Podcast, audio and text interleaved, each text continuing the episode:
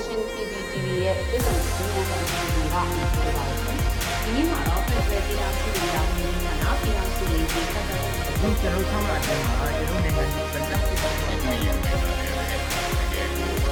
အဲဒါမျိုးကျွန်တော်တို့ NHS ဆေးရဖွဲ့နေတယ်ဒီခေတ်ကြီးအစည်းအဝေးပွဲမှာဆိုရင်တို့ချက်တော့တိုက်ပြီးတယ်ဒီကြတိစစ်ဖိတ်ကြလို့ငယ်ဆိုတော့ကျွန်တော်တို့ပြန်ပြီးတော့ကျွမ်းသာအတော်ပေါင်းတော့စစ်ဆိုးအောင်ကြားတယ် တော့တယ်ကြားတယ်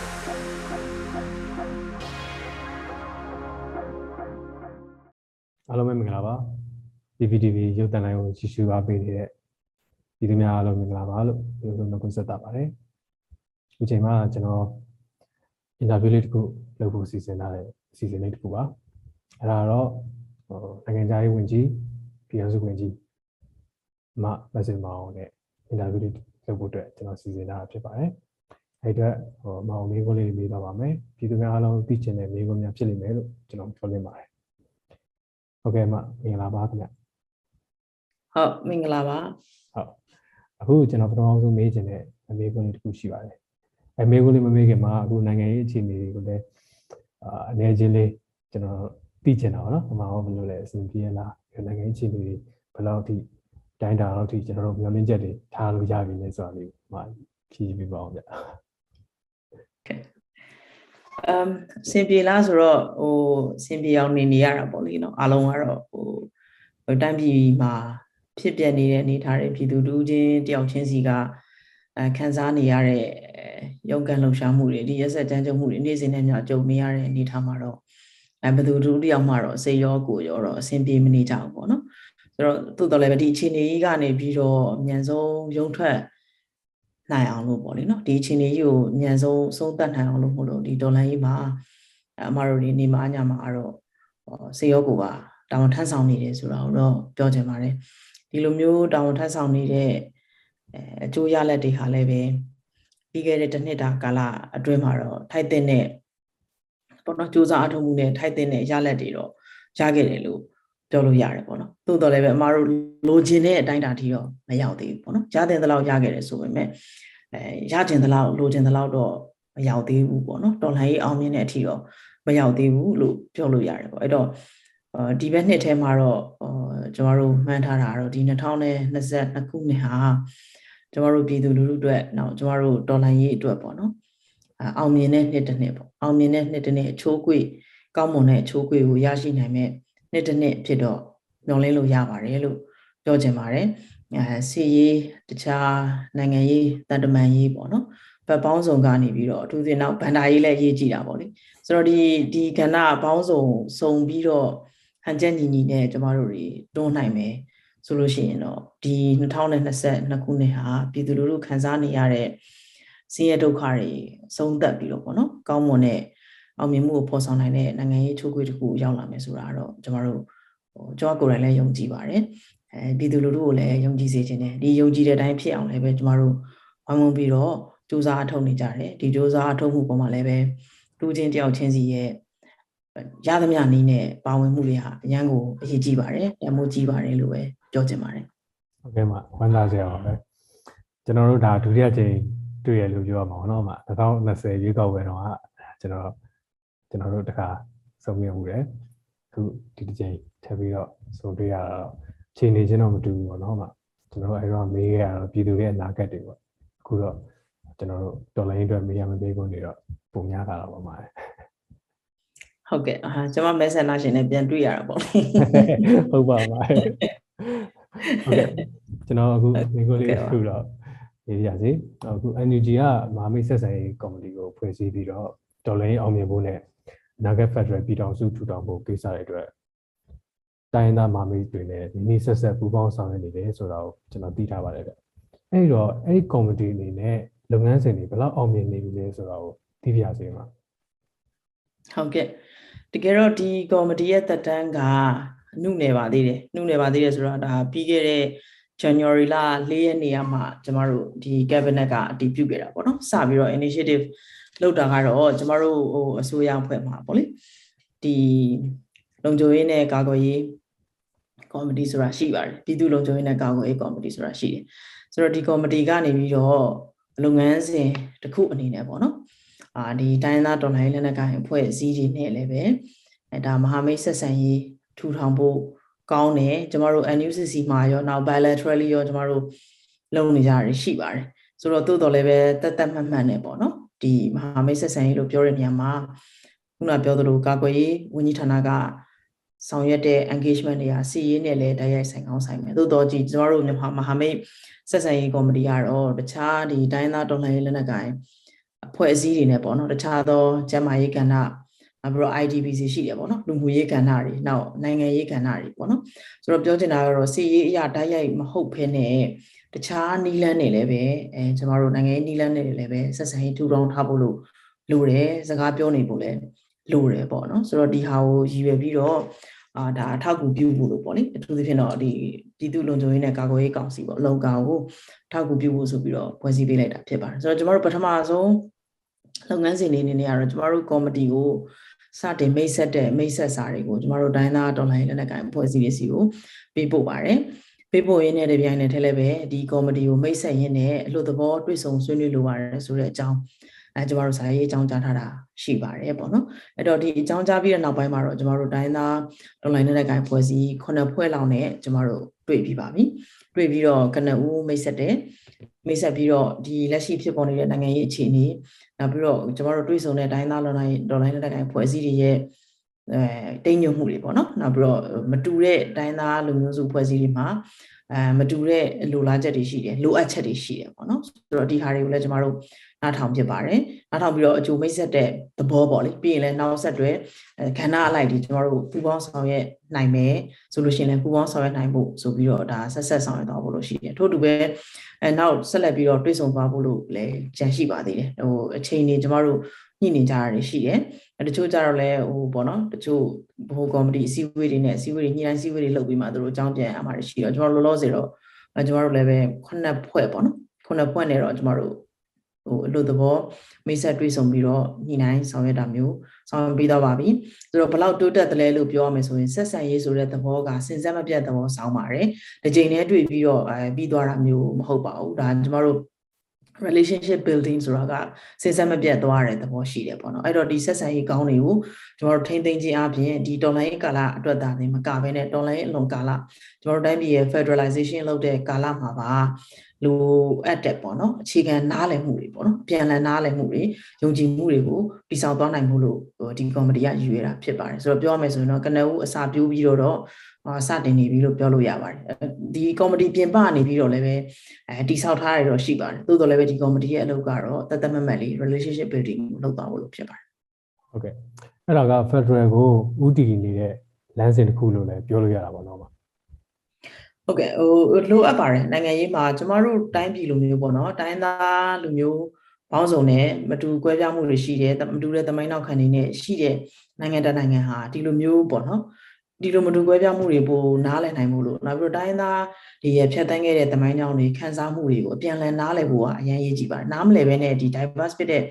အဲတိုင်းပြည်တစ်ပြည်မှာပေါ့နော်ဒီဒီ federalization federal ပြည်ထောင်စုကိုထူထောင်မှုဆိုတာဟာ တယောက်ကိုတယောက်နားလည်မှုမရှိရင်မလွယ်ခဲ့ပါဘူးဒီလိုဆက်ဆံရေးထူထောင်မှုမျိုးပြီးခဲ့တဲ့နှစ်ပေါင်းများစွာမှာကျမတို့မရှိခဲ့လို့မလို့ပေါ့နော်ငြိမ်းချမ်းရေးတွေလည်းမရခဲ့ဘူးနောက်ပြီးတော့အတားအဆီးဖြစ်နေတာတွေလည်းအများကြီးတာပေါ့နိုင်ငံရေးစနစ်အရာကိုတားဆီးဖြစ်ခဲ့တာတွေလည်းရှိတယ်ပေါ့နော်အခုတော့ဒါတွေကိုကြော်ထားဖို့လို့တပြိုင်နက်တည်းမှာကိုအာဏာရှင်စနစ်လည်းပြုတ်ကြတစ်ဖက်မှာလည်းပဲ Federal Democracy စနစ်ကိုလည်းထူထောင်ဆိုတဲ့ကိစ္စကိုကျမတို့ parallel ကိုအခုဆောင်ရွက်နေရတဲ့အနေအထားမျိုးရှိပါတယ်ဟုတ်ကဲ့ပါအဲ့တော့ဟိုမအခုပြောတဲ့အစီအစဉ်နဲ့ ထပ်တူပဲဟိုဘက်အာနာရှင်ဘက်ကလည်းဂျမ်ဘတ်စစ်ကောင်စီကောင်းဆောင်ကအဲကိုမင်းအောင်လိုက်ရပါတော့အဲတိုင်းဒေသလက်နက်ကိုင်ဖွဲ့စည်းတွေကိုနိုင်ငံငင်းချမ်းရေးဆွေးနွေးမယ်ဆိုပြီးတော့ဖိတ်ခေါ်ထားတာကိုတွေ့ရပါတယ်အဲ့တော့မငင်းတာတဲ့အစုပွဲတချို့ကလည်းတွားရောက်တွေ့ဆုံမှုရှိနေတယ်လို့သိထားပါတယ်အဲ့ဒီပုံမှာရောအမဘယ်လိုမြင်ပါသလဲဗျအဲဒါကတော့ဟိုဟိုမွဲပြပစိုးလို့ပဲပြောရမှာပေါ့နော်ဟိုကျမတို့လည်းပြီးခဲ့တဲ့ 5နှစ်နဲ့9နှစ်ကြာပေါ့2012အဲကြားပြရွေးကောက်ပွဲပြီးတယ်ပြီးတော့2015 NCA အဲဖြစ်တယ်ပေါ့နော် NC လက်မှတ်ရေးထိုးပြီး NC signatory နဲ့ signatory ပေါ့ဒီ NC လက်မှတ်ရေးထိုးတဲ့အဖွဲ့မရေးထိုးတဲ့အဖွဲ့တွေဆိုပြီးတော့လေအတိုင်းသားတော်လိုင်းလက်နက်ကန်အဖွဲ့အစည်းတွေမှာမတူတာရှိကြတယ်တူတဲ့ချက်ကတော့ဟောပေါ့နော်ဒီကိုပိုင်ပြထန်းခွင့်လို့နော်နောက်ပြီးတော့ခါကြတော့အဲဒီ federal ပေါ့နော်နောက်တန်းတူတန်းတူခွင့်ရေးတို့တန်းတူညီမျှခွင့်တို့ ဆိုတဲ့ဟာတွေအဲ့ဒီအခြေခံအနှစ်သာရတွေကိုကျမတို့ဘလောက်ရိုးရိုးသားသားနဲ့လက်ခံနိုင်တယ်လဲပေါ့နော်စိတ်ရှင်းရှင်းနဲ့သဘောတူနိုင်တယ်လဲဆိုတဲ့အပေါ်မှာတော့ကျမတို့ပြီးခဲ့တဲ့9နှစ်တာကာလပတ်လုံးပေါ့နော်ငင်းငင်းညီလာပြန်မှာဆွေးနွေးတာအခု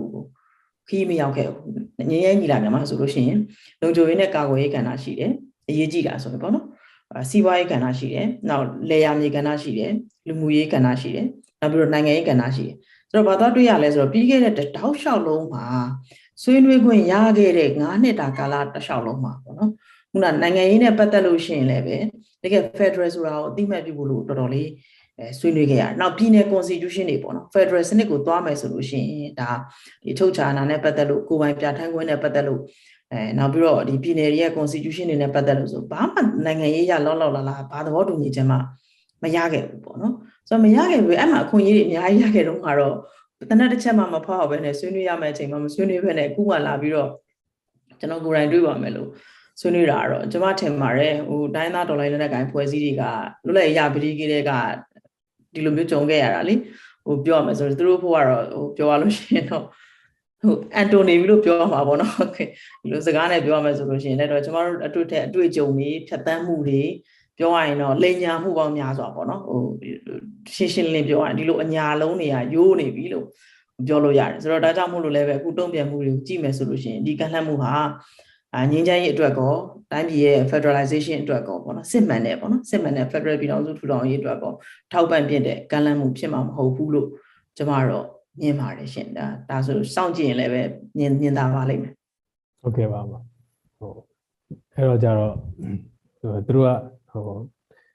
ဟို Federal ဥတီတယ်လို့ဘာလို့စကားလုံးတွေသူကပြောစီရတယ်ကြအဲ့တော့ဟိုတိုင်းသားတွေကိုအဓိကအဲဟိုသူတို့ဘက်ပါအောင်ဆွဲခေါ်ခြင်းတဲ့သဘောတွေတက်ရောက်မယ်ထင်ပါတယ်အဲ့လိုမျိုးစိတ်ကူးတွေနဲ့ဟိုအရင်တော့လုပ်ခဲ့တဲ့ပုံစံမျိုးတွေလုပ်တယ်လို့ဖြစ်မှာပေါ့နော်အမှပြောသလိုပေါ့ဟုတ်အဲ့တော့ဟိုကျွန်တော်တို့ဟိုနောက်ထပ် UN ရဲ့အဲ UN နဲ့နောက်နိုင်ငံအချို့ကမြန်မာနိုင်ငံကိုကင်တွဲနေရမှာဟို အာဆီယံအဖွဲ့ကိုရှေ့ထဲမှာအရန်ထားလွန်တာကမားရွေးနေတဲ့လမ်းကြောင်းလို့ပညာရှင်တချို့ကဝေဖန်ကြရရှိပါတယ်။အဲ့တော့အမအနေနဲ့ဒီဘာများဘယ်လိုများမြင်ပါလဲပေါ့နော်။မဘယ်လိုပြောချင်ပါလဲဟိုနိုင်ငံသားကြီးကတန်တမာကြီးရတယ်ပတ်သက်ပြီးဟုတ်အဲအဓိကတော့အာဆီယံကို၌ကိုကလည်းပဲတိတ်အားကောင်းတဲ့ဒေတာရဲဖွဲ့စည်းတော့မဟုတ်ဘူးပေါ့နော် သို့တော်လည်းပဲခုနနိုင်ငံကြီးတွေအားလုံးပေါ့ပြောရမယ်ဆိုအရှိအရှိနဲ့အနောက်နဲ့ပေါ့လေအားပြိုင်နေကြတဲ့နိုင်ငံကြီးတွေအားလုံးရဲ့စုံမှတ်ကမြန်မာပြည်ရဲ့ပြဿနာကိုဖြေရှင်းတဲ့အခါမှာသူ့ဒေတာတွင်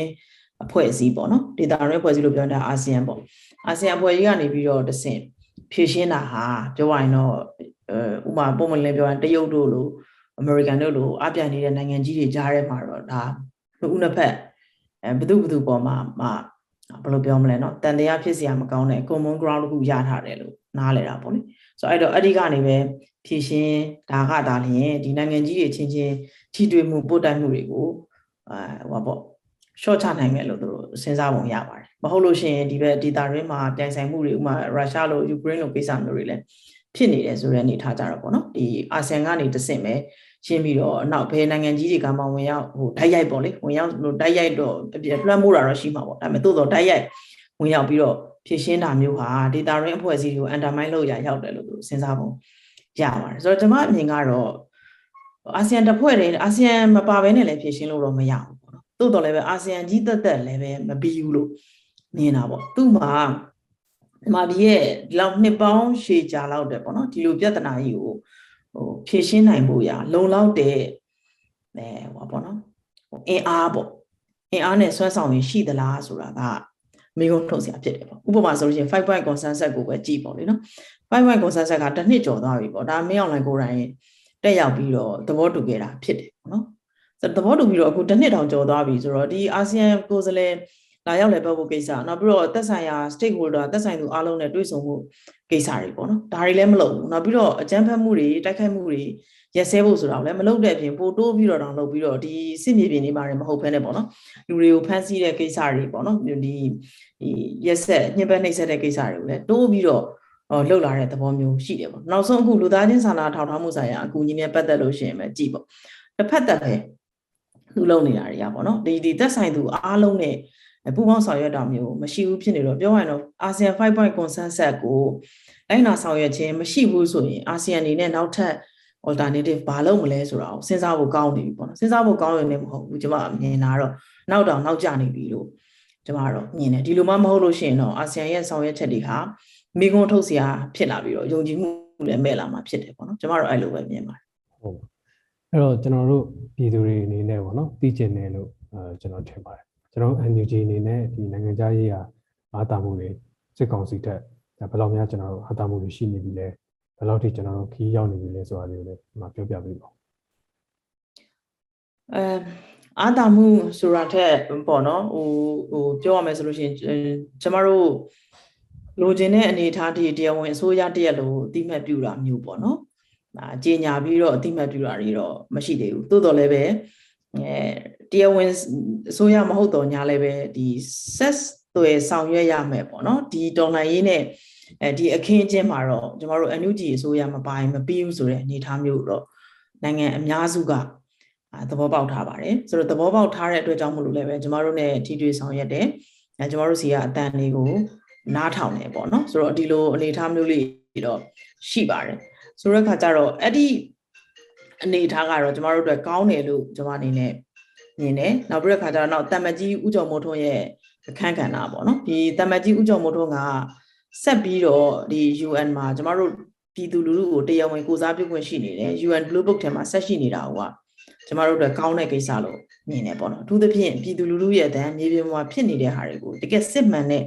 ပြည်သူလူထုအတန်းကိုကိုစားပြုနေနိုင်တဲ့အတန်းတမန်ကောင်းတစ်ယောက် ဖြစ်တယ်ပေါ့နော်ဆိုတော့ဒါကလည်းကျမတို့ကိုအာသာမှုကိုဖြစ်စေတဲ့ချက်တွေတွေကတစ်ချက်ပေါ့ဒါအပြင်ကိုကျမတို့ဒီထက်ပိုပြီးတော့ bilateral တွေပေါ့နော် bilateral တွေကျမတို့ထိတွေ့ဆောင်ရွက်နေတာတွေအများကြီးပဲရှိနေတယ်နောက်ပြီးတော့တိုးတက်မှုတွေလည်းရှိနေတယ်ဒါအပြင်ကိုဒီလို online ကနေလည်းမဟုတ်ဖ ೇನೆ ပေါ့နော်ကျမတို့ သိမကြခင်ကပဲကျမတို့ in person နေခီးစဉ်တွေတွားရောက်ပြီးတော့တွေ့ဆုံတယ်ဆွေးနွေးတယ်အထူးသဖြင့်ပြည်သူလူထုတွေမြေပြင်မှာလိုအပ်နေတဲ့ humanitarian assistance တွေဘယ်လိုပေးနိုင်မလဲဒါအပြင်ကိုကျမတို့နိုင်ငံရေးရ solution ကိုရှာတဲ့အခါမှာကျမတို့စဉ်းစားထားတဲ့စဉ်းစားချက်တွေအထူးသဖြင့်ဆိုလို့ရှိရင်ကျမတို့ဒါအခု Federal Democracy Charter Federal ပြည်ညင်ဆိုပြီးတော့ကျမတို့ရှိနေပြီเนาะဒီစစ်ကောင်စီကိုဖြုတ်ချပြီးတဲ့နောက်မှာတိုင်းပြည်ကိုဘယ်လိုပုံစံနဲ့သွားမလဲဆိုတဲ့လမ်းပြမြေပုံပဲဆိုပါစို့ဒီလမ်းပြမြေပုံလည်းရှိနေပြီဒါကိုတော်တော်များများစိတ်ဝင်စားကြတယ်ပေါ့နော်ဆိုတော့ဒါတွေကတော့ကျမတို့ဟိုနိုင်ငံသားရေးဒီနိုင်ငံတကာဆက်ဆံရေးမှာတိုးတက်မှုတွေလို့ပြောလို့ရတယ်အဲ့တော့ဒီမှာသတိထားဖို့လိုတာဒီတိုးတက်မှုတွေဟာသူ့ကြည်တက်တက်တော့ဖြစ်လာတာမဟုတ်ဘူးကျမတို့ပြည်တွင်းမှာရှိနေတဲ့နိုင်ငံရေးအင်အားစုတွေရဲ့ညီညွတ်မှုတွေ ဟိုအနေဆုံးနေ့စဉ်ပေါ့နော်ဒီဒီ debate comedy တွေရဲ့လှုပ်ရှားမှုတွေနောက်ပြည်သူလူထုရဲ့အုပ်ချုပ်မခံဘူးဆိုတော့စိတ်ဓာတ်တွေပေါ့နော်နေ့စဉ်နဲ့အမျှပေါ့နော်ရုန်းကန်နေတဲ့ရုန်းကန်မှုတွေကြောင့်သာလျင်ခုနလိုမျိုးကျွန်တော်နိုင်ငံတကာမျက်နှာစာမှာကိုစားပြုတဲ့နေရာမှာအဲဖွံ့ဖြိုးတိုးတက်မှုတွေကိုပြောဆိုတဲ့အခါမှာညှိနှိုင်းတဲ့အခါမှာကျွန်တော်တို့အာသာချက်တွေကိုရရှိစေတာဖြစ်တယ်ပေါ့နော်ဒါကြောင့်မို့လို့ပြည်တွင်းတဲ့နိုင်ငံတကာနဲ့ကကျွန်တော်တို့အခုလိုမျိုးပဲဟန်ချက်ညီညီသွားနေမယ်ဆိုလို့ရှိရင်တော့ ဒါခုနနိုင်ငံရေးအရာတန်တမန်ရေးအရာအာသာချက်တွေကကျမတို့အတွက်ဆက်ပြီးတော့ရှိနေနိုင်မယ်အရှိန်အဟုန်လည်းပဲမြင့်တင်လာနိုင်လိမ့်မယ်လို့ကျမမြင်ပါတယ်မကြခင်မှာလည်းပဲကျမထင်ပါတယ်အဲသတင်းကောင်းတချို့ပေါ့နော်သတင်းကောင်းတချို့ဆိုတော့ကဘာရမယ်ညာရမယ်ဆိုတာထက်နည်းနည်းပို့ပြီးတော့နောက်တစ်ဆင့်မြင့်တဲ့ဆက်ဆံရေးတွေအဲ in person meeting တွေကိုကျမတို့တွေ့ရမှာဖြစ်ပါတယ်ကောင်းမွန်တဲ့သတင်းတစ်ခုပါပဲပါကျွန်တော်တို့မျှော်လင့်ပါတယ်အဲကျွန်တော်တို့အတွက်လည်းကျွန်တော်နိုင်ငံအတွက်လည်းအဲ့ဒီအပိုင်းတွေခန့်ခန့်ညာရမ်းရေးကြည့်ရဲဆိုတာ အဲကျွန်တော်တို့မျှော်လင့်ထားပါတယ်အဲ့တော့ဟိုကျွန်တော်တို့မြန်မာအနေနဲ့လည်းအခုရုရှားနဲ့ယူကရိန်းစစ်ပွဲကြာမှာကျွန်တော်မြန်မာအနေနဲ့ဘယ်လိုကြိုးတက်ရမှုတွေရှိလာနိုင်လဲဆိုတော့လည်းအမှအမှမြင်ပြီးပြောပြပေးပါအဲအကျိုးတက်ရောက်မှုကတော့ဟိုကြော်သွားပြီလို့ထင်တယ်သူတက်ရောက်မှုကလေတက်ရောက်မှုကလာအတိုင်းတာတစ်ခုထိကလာနဲ့လည်းချီလာပြီဆိုတော့ဒါပေမဲ့ကောင်းတဲ့ချက်ကဘာလဲဆိုတော့ EU ပါဝင်ဥရောပနိုင်ငံတွေရောနောက် American ပြည်ထောင်စုရောနောက်ဒေသတွင်းနိုင်ငံတွေရောပေါ့နော်မှန်တယ်မီဒီယာသဘောရကြည့်မယ်ဆိုလို့ရှိရင်တော့ဟိုဟိုကမ္ဘာမီဒီယာတွေရဲ့ agenda မှာတော့ယူကရိန်းနဲ့ရုရှားပို့ပြီးတော့ပေါက်တာပေါ့လေဟိုပြောရမယ်ဆိုလို့ရှိရင်တော့ interest ဖြစ်စရာရှိတယ်တိုးတော်လည်းပဲကျွန်မအခုထိတွေ့သလောက်အဲဥရောပနိုင်ငံတွေကပေါ့နော်တန်တမန်တွေအဲနောက်ပြီးတော့ခါကျတော့အထူးကိုယ်စားလှယ်တွေနဲ့ကျမတို့တွေ့ဆုံတယ် တွေ့ဆုံတဲ့အခါမျိုးမှာမူဝါဒအားဖြင့်တော့ဒီအစိုးရတွေဟာအဲဒီယူကရိန်းနဲ့ရုရှားအရေးကိုသူတို့ဟိုပေါ့နော်စစ်ပူလိုမျိုးဖြစ်နေတဲ့အတွက်ကြောင့်မို့လို့အားဆိုင်ရတာတော့မှန်တယ်သို့တော်လည်းပဲမြန်မာပြည်အရေးဟာလည်းပဲသူတို့ရဲ့ဦးစားပေးအာဂျန်ဒါထဲမှာရှိနေသေးပဲဆိုတာတော့ကျွန်တော်တို့တွေ့ဆုံမှုတိုင်းမှာသူတို့အမခံပါတယ်အဲဟိုစိတ်ပြက်စရာမလိုဘူးအဲသူတို့ဟိုမြန်မာပြည်အရေးကိုခိပန်တိုင်းပေါ့နော်တောက်လျှောက်ဟိုပါပေါ့နော်ရှိနေတယ်စိတ်ဝင်စားမှုလုံးဝရောမကျသွားဘူးသူတို့ရဲ့နိုင်ငံခြားရေးမူဝါဒတွေထဲမှာ ဦးစားပေးစောင့်ကြည့်ရမယ်ဒါမှမဟုတ်ဦးစားပေးကဏ္ဍအနေနဲ့ရှိနေသေးတယ်ဆိုတော့ပြောပါတယ်ဒါကဘာကိုပြလဲဆိုဥပမာပြီးခဲ့တဲ့လကပဲပေါ့နော်ခုန Holocaust Museum မှာအာ American နိုင်ငံသားရေးဝန်ကြီး Blinken ကမြန်မာပြည်နဲ့ပတ်သက်လို့ဟိုပေါ့နော်မိကုံးပြောတဲ့ဟာမျိုးမှာထည့်သွင်းပြောကြားသွားတာမျိုးကအစပေါ့နော်ဒါကိုကြည့်မယ်ဆိုလို့ရှိရင်ဒါဟာသူတို့ရဲ့နိုင်ငံသားရေးမူဝါဒတွေထဲမှာမြန်မာနိုင်ငံဟာဦးစားပေး agenda အနေနဲ့တော့ရှိနေသေးတယ်ဆိုတာကိုတော့ပြောလို့ရပါတယ်ဆိုတော့ကျမတို့ဒါကိုအချိန်တစ်ခုမှာတော့ကျော်လွှားနိုင်ခဲ့ပြီလို့ မြင်တယ်နောက်ပြီးတဲ့ခါကျတော့ရှင်ပြီးတော့ပေါ့နော်အခုဆိုလို့ရှိရင်တဖြည်းဖြည်းနဲ့အဲဒီကိစ္စကိုချိန်ထိုးပြီးတော့ပေါ့နော်ရုရှားနဲ့မြန်မာနဲ့အရေးဟာဘလို့ပိုင်းနေမှာတော့တူပြီးတော့ဘလို့အပိုင်းနေမှာတော့ကွဲပြားတယ်အဲနောက်ပြီးတော့ဘာကြောင့်မို့လို့နှစ်ခုလုံးဟာအဲပေါ့နော်ဟိုပေါ့နော်အရေးတယူနဲ့ပေါ့နော်ဟိုကဘာအနေကဘာအတိုင်းဝိုင်းအနေနဲ့အရေးတယူဟိုပေါ့နော်တက်ဖို့ပေါ့နော်အရေးယူဆောင်ရွက်ရမယ့်ကိစ္စတွေဖြစ်တယ်လဲဆိုတာကိုလည်းဆွေးနွေးလာတဲ့ပညာရှင်တွေစကားဝိုင်းတွေရှိလာတယ် အဲတချို့လှုပ်ရှားမှုတွေမှာလည်းပဲ integrate လုပ်လာတဲ့လှုပ်ရှားမှုတွေလည်းကျွန်တော်တို့တွေ့ရပါတယ်ဆိုတော့အခါကျတော့တေချာတာကတော့ကျွန်တော်တို့ဟိုဒီဟာကို momentum တစ်ခုအနေနဲ့ပေါ့နော်လှိုင်းစီးပြီးတော့သွားလို့ရှိရင်တော့ကျမတို့ agenda ဆက်ပြီးတော့ရှိနေမှာဖြစ်တယ်နောက်ပြီးတော့ကျမတို့ဟာလည်းပဲအောင်မြင်နိုင်ခြေရှိတဲ့တော်လှန်ရေးဖြစ်နေတယ်ဆိုတော့ကဘာက realize ဖြစ်ဖို့လို့လက်ခံဖို့လို့လိုပါတယ်ဒီလိုလက်ခံနိုင်အောင်လဲသိမြင်နိုင်အောင်လဲအခြေအနေတွေကိုဟိုကျမတို့နိုင်ငံတကာကိုသိအောင်လို့မို့လို့စူးစမ်းဆောင်ရွက်နေပါတယ်ဟုတ်ကဲ့ပါပါခ မအဖြေထဲမှာကျွန်တော်တို့ပြည်သူတွေမျှော်လင့်တဲ့အဖြေတွေအများကြီးပါပါတယ်။ဘာဖြစ်လို့လဲဆိုတော့ခုနလိုပေါ့နော်ကျွန်တော်တို့နိုင်ငံအရေးကိုနိုင်ငံတကာရေးရာတွေမှာတန်တမာရေးရာတွေမှာမမေ့ထားဘူးဆိုတာကျွန်တော်တို့အတွက်အရေးကြီးဆုံးမျှော်လင့်ချက်ပါပဲ။အဲ့တော့အခုနိုင်ငံတကာအနေနဲ့ပြီးတော့အာဆီယံအနေနဲ့ပေါ့နော်ခု2023ရောက်ရင်အင်ဒိုနီးရှားကအဲဟိုဥက္ကဋ္ဌဖြစ်နေကင်တွယ်မဲ့ပုံမှာဘယ်လိုမျိုးမြင်ပါလဲကျွန်တော်တို့ဘာမျှော်လင့်ချက်တွေရှိလာနိုင်လဲကျွန်တော်တို့ဘာတွေဆက်လုပ်လို့ ရနိုင်မလဲဆိုတော့ဟုတ်ကျွန်တော်ပြောပြပေးပါဟုတ်ကဲ့အဲဟိုမြန်မာအရေးကိုပေါ့နော်ပြောရရင်တော့ဒီအာဆီယံနိုင်ငံတွေထဲမှာတော့စပြီးအာနာသိန်းတဲ့နောက်ပိုင်းတွေကအာအင်ဒိုနီးရှားကတော်တော်လေးတက်တက်ကြွကြွရှိတယ်ပေါ့နော်လှုပ်လှုပ်ရှားရှားရှိတယ်ဟိုပြောရလို့ရှိရင်အာဆီယံတစ်ခုလုံးနေနဲ့ကတပိုင်းဆိုပေမဲ့လည်းသူ့ bilaterally နိုင်ငံအရာကိုကစိတ်ဝင်စားပြီးတော့ကျွန်တော်တို့တက်တက်ကြွကြွဆက်သွယ်ခဲ့တာလေ proactive ဖြစ်တယ်လို့ပြောလို့ရတယ်ပေါ့နော်မြန်မာအရေးနဲ့ပတ်သက်လို့ရှိရင်အင်ဒိုနီးရှား ဆိုတော့အဲ့ဒီအတွက်ကတော့ဟိုပို့ပြီးတော့ပေါ့နော်မြန်မာအရေးဟာအာဆီယံမှာအဲ highlight ဖြစ်တဲ့ agenda ပေါ့တခြားသော agenda တွေရှိတော့ညာလည်းပဲဒေတာရင်း agenda တွေရှိတော့ညာလည်းပဲမြန်မာပြည်ရဲ့အရေးဟာပို့ပြီးတော့အာဆီယံအတွက်တော့ inter အားတိုင်းနဲ့အဲဟိုပေါ့နော်အခုအခုပုံမလင်းပြောလိုက်တော့ကမ္ဘောဒီးယားတဲ့ဆိုလို့ရှိရင်တော့ပို့ပြီးရဲရဲရင်းရင်းနဲ့ inter အားတိုင်းနဲ့ကျွန်တော်တို့ပြည်သူလူထုလိုချင်တဲ့မြင်ချင်တဲ့အချင်းကပ်ပုံမျိုးဖြစ်လာနိုင်တယ်လို့တော့ကျွန်တော်တို့မျှော်လင့်လို့ရပါတယ်ဆိုတော့အခုလည်းပဲ မလေးရှားတို့အင်ဒိုနီးရှားတို့နောက်စင်ကာပူတို့ပေါ့နော်အဲ့တော့ထုတ်ဖော်ပြီးတော့ပြောဆိုနေကြတဲ့အနေအထားမျိုးတွေရှိပါတယ်ဆိုတော့ဒီလိုနိုင်ငံမျိုးတွေဒါချဲဖြစ်မယ်ဆိုလို့ရှိရင်တော့အခုထက်တော့ပို့ပြီးတော့ကောင်းမွန်တဲ့ PR တွေပေါ့နော်ပြည်သူလူထုတွေလိုအပ်နေတဲ့ PR တွေပြည်သူလူထုတွေလိုအပ်နေတဲ့အထောက်ပံ့တွေဒါတွေကိုထိထိရောက်ပို့ပြီးတော့လုပ်ကိုင်ဆောင်ရွက်နိုင်လိမ့်မယ်လို့တော့ကျွန်မပြောင်းလဲလို့ရပါတယ်ဟုတ်ကဲ့ပါအခုအဲဒေါ်လိုင်းကလာတနေ့ကြော်သွားပြီပေါ့နော်အဲ့တော့အခုကျွန်တော်တို့ ပြည်သူတွေကိုအမပြောချင်တဲ့သတင်းစကားလေးတွေအဲနောက်ဆုံးအနေနဲ့ပြောပြပါဦးဟိုပြောရရင်တော့သတင်းစကားဆိုတာတဲ့ဟိုလေဟိုကျေးကျေးဇူးတင်ကြောင်းပြောချင်တာပါဟုတ်တကယ်တကယ်အားတော့လေဘာဖြစ်လို့လဲဆိုတော့ဟိုကျမတစ်သက်ပေါ့နော်ဟိုကျမတစ်သက်တော်လိုင်းရေးမိသမျှလှုပ်ရှားမှုတွေကျမ88မိတယ်အဲ96 98မိတယ်2000ကတော့မမီဘူးပေါ့လေကျမထောင်ထဲမှာပေါ့နော်ဟိုစားရှိသဖြင့်အခု ဒီလိုကာလာကြီးမျိုးမှာဘယ်သူမှမျောလင်းမထားလောက်အောင်လူတို့ရဲ့တုံ့ပြန်မှုနောက်တစ်ခုကလွတ်လပ်မှုတရားမျှတမှုကိုဘယ်လိုပြောရမလဲနော်လူတို့ရဲ့တက်မှတ်မှုပေါ့နော်ဒီလောင်အဲ့ဒါဟာတကယ့်ကိုပေါ့နော်အလျံတကြီးကြီးနဲ့လောင်မြိုက်နေသလိုပဲကျွန်တော်ခံစားရတယ်ဆိုတော့အဲ့ဒါကဒီပင်လျင်အာနာရှင်တွေအတွက်မြန်မာပြည်မှာနေရာမရှိဘူးဆိုတာပြောနေတာပေါ့နော်အဲ့လိုကျွန်မမြင်တယ်ဆိုတော့ဒီလိုပြည်သူလူထုရှိရဲ့နဲ့ ကျမတို့ကဒီအာနာရှင်ကိုဒီဒီချိန်မှာအမြင့်မဖြတ်နိုင်ဘူးဆိုရင်တော့ကျမတို့ဘယ်တော့မှဖြတ်နိုင်တော့မှာမဟုတ်ဘူးလို့ပြောရမှာပေါ့နော်ဆိုတော့ကျမတို့ဒီဒေါ်လာရေးမှာပြပြည်သူလူထုရောတဦးချင်းတယောက်ချင်းစီတိုင်းရောနိုင်ငံရေးအင်အားစုတွေရောပေါ့နော်စိုက်ထည့်ထားရတဲ့အရင်းအနှီးတွေကိုတော့ကျမတို့အလဟတ်သက်မဖြစ်စေပဲနဲ့ဒီဒေါ်လာရေးကိုကျမတို့အောင်မြင်မှုရအောင်အနည်းဆုံးတော့ပေါ့နော်ကျမတို့လိုချင်တဲ့ Federal နဲ့ Democracy စနစ်တွေအခြေခံအုတ်မြစ်တွေပေါ့နော် ချနိုင်အောင်အာဏာရှင်ကိုအမြင့်ဖြတ်ထုတ်ပြီးတော့ဒီ Federal ရဲ့အခြေခံကောင်းတွေကို foundation တွေကိုထားခဲ့နိုင်အောင်တော့အဲကျမတို့စူးစမ်းရလိမ့်မယ်လို့မြင်တယ်ဒီအတွက်လည်းကျမတို့မစုံမနစ်နဲ့အဲချိန်နဲ့မျှစူးစမ်းဆောင်ရွက်နေတယ်လို့ပြောခြင်းတယ်အဲပေးဆက်ခဲ့ရတဲ့တူးချင်းတယောက်ချင်းစီနောက်မိသားစုတစ်ခုတစ်စုချင်းစီတိုင်းရဲ့ပေါ့နော်ပေးဆက်မှုတွေအနစ်နာခံမှုတွေကိုကျမတို့ကအရင်အရင်တော်လှန်ရေးများလိုမျိုးမိမိပြောပြောဖြစ်မသွားရအောင် ဘေးဖယ်မခံထားရအောင်ပေါ့နော်အဲဒါလည်းကျွန်မထင်တယ်ဟိုပြောချင်တာကတော့သက်ဆိုင်သူတွေအားလုံးလည်းမှတ်တမ်းနေထားကြလိမ့်မယ်လို့မျှော်လင့်တယ်ဒီဒီဒီလိုပေးဆက်မှုတွေဟာလူသိရဲ့လူရှိပဲမသိဘဲနဲ့ပေးဆက်သွားတာတွေရှိတယ်ပေါ့နော်ဒါတွေကိုကျမတို့ဒီဒေါ်လာရေးမှာတော့ကောင်းကောင်းမွန်မွန်ကိုတန်ဖိုးထားပြီးတော့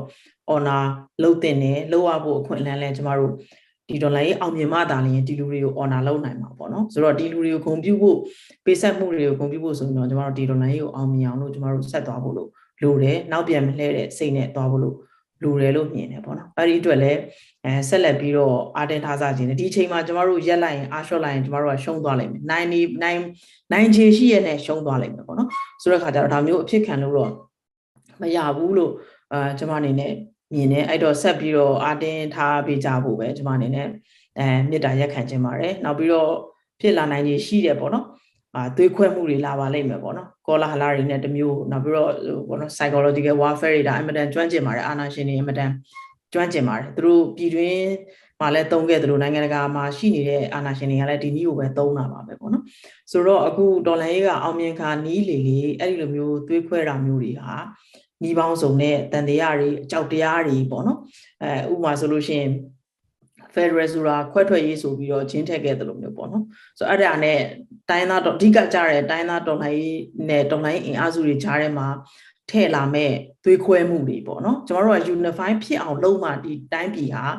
ရှေ့ရောက်မှာပေါ့နော်ဟိုမဟုတ်လို့ရှိရင် unify မဖြစ်ဘဲနဲ့ပို့ပြီးတော့မတူကွဲပြားတဲ့အပေါ်မှာထပ်ပြီးတော့ဟို ဟိုပေါ့နော်ဟိုအကြောင်းတွေနောက်ပြီးတော့ divide ဖြစ်ဖို့လို့ divide and rule စင်နဲ့ပဲတက်ကသုံးနေတယ်ပေါ့နော်အာနာရှင်တွေကသုံးနေတဲ့အချိန်မှာကျမတို့ကိုယ်တိုင်ကဒီဟာတွေကိုစူးစီးဖို့မကြိုးစားဘဲနဲ့ခုနပြောသလိုတယောက်ကိုတယောက် S and them တန်တရားတွေနဲ့အပြစ်တွေပြောတဲ့ delay ကိုသွတ်သွင်းလာပါလိမ့်မယ်ပေါ့နော်အဲ့ဒီဟာတွေလည်းကျမတို့ကြုံခဲ့ပြီးသားရှိတယ်ပေါ့နော်ဘာသာရေးနဲ့ခွဲမယ်လူမျိုးရေးနဲ့ခွဲမယ်နိုင်ငံရေးအယူဆတွေအပြင်ခွဲမယ်ပေါ့နော်ဆိုတော့ဒီပုံစံတွေရောက်လာနိုင်တယ်အဲ့ဒါကိုတော့ ဒေါ်လာရေးအောင်မြင်ခံနီးလေလေကျမတို့ဒါသတိကြီးကြီးထားပြီးတော့ကြော်လွှားဖို့လိုအပ်လေလေလို့ကျမအနေနဲ့ မြင်ပါတယ်ဒါကျမတို့နိုင်ငံရေးအင်အားစုတွေကြားထဲမှာလည်းလိုအပ်တယ်လို့ local အထိပေါ့နော်အခုကကျမတို့ကအုပ်ချုပ်ရေးတွေဘာတွေကစဟို local ကနေပြီးတော့အခြေပြုပြီးတော့သွားတာဖြစ်တဲ့အတွက်ဒီ local ဒေသန္တရမှာရှိနေတဲ့ပို့တိုင်မှုလေးတွေဒါလေးတွေကနေပြီးတော့တဆင့်လဲဖြစ်လာနိုင်တယ်ပေါ့အလှော်ပေါင်းစုံမှာတော့ဒီဒီအကြောင်းတွေသွေးခွဲမှုတွေကိုကျမတို့တည်ထားပြီးတော့ကြော်ထားဖို့လို့တော့လိုပါမယ်လို့မြင်ပါတယ်မဟုတ်လို့ရှိရင်ဒေါ်လာရေးရအောင်မြင်ကန်ဒီမှာအဲ့ဒီလိုကိစ္စလေးတွေကနေပြီးတော့အာနာရှင်အကြိုက်ဖြစ်သွားတဲ့တာမျိုးလေးတွေလည်းပဲကျမတို့ တည်ထားဖို့လိုတယ်ပေါ့နော်အားလုံးကျွန်မပြောချင်တာတော့ညီညွတ်ညွတ်နဲ့ရှိကြဖို့ပဲအဲပိုလိုအပ်လာတယ်လို့ကျွန်မအနေနဲ့ပြောချင်တာပါရှင်ကျေးဇူးပါပဲဟုတ်ကဲ့ပါပါခုလိုမျိုးဟိုကျွန်တော်တို့တွေဒီနေ့တည်ထိုက်တဲ့အရာတွေတည်စကားတွေအဲပြီးတော့ခွန်အားဖြစ်တယ်လို့ကျွန်တော်ပြောအောင်နော်ကျွန်တော်ကိုယ်တိုင်လည်းကိုနားထောင်နေခွန်အားဖြစ်ပါတယ်အဲ့တော့ဒီနှစ်ထဲမှာပဲနိုင်ငံခြားရေးနဲ့ပတ်သက်ပြီးတော့အဲကောင်းမွန်တဲ့အချိုးခွေတွေတည်ကောင်းတွေအများကြီးကြားဖို့လည်းညွှန်နေပါတယ်မှာဟုတ်ခုလိုကြိုးစားပြီးအဲကျွန်မလည်း ဟုတ်ကျွန်မလည်းစူးစမ်းနေပါတယ်ခုလိုကြိုးစားပြီးရဆိုတော့ပြည်သူတွေကစားကျေးဇူးအများကြီးတင်ပါတယ်မှာဟိုကျမ်းမာရေးလည်းကြည့်ဆိုင်ပါဦးဟုတ်တယ်ဟုတ်တယ်အဲ့ဒါလည်းရေးကြည့်တယ်ဟုတ်ဟုတ်ဟုတ်ကဲ့အဲ့တော့ရေးတော့အောင်မယ်နော်မှာဒီတော့ဘောအောင်အမီဟုတ်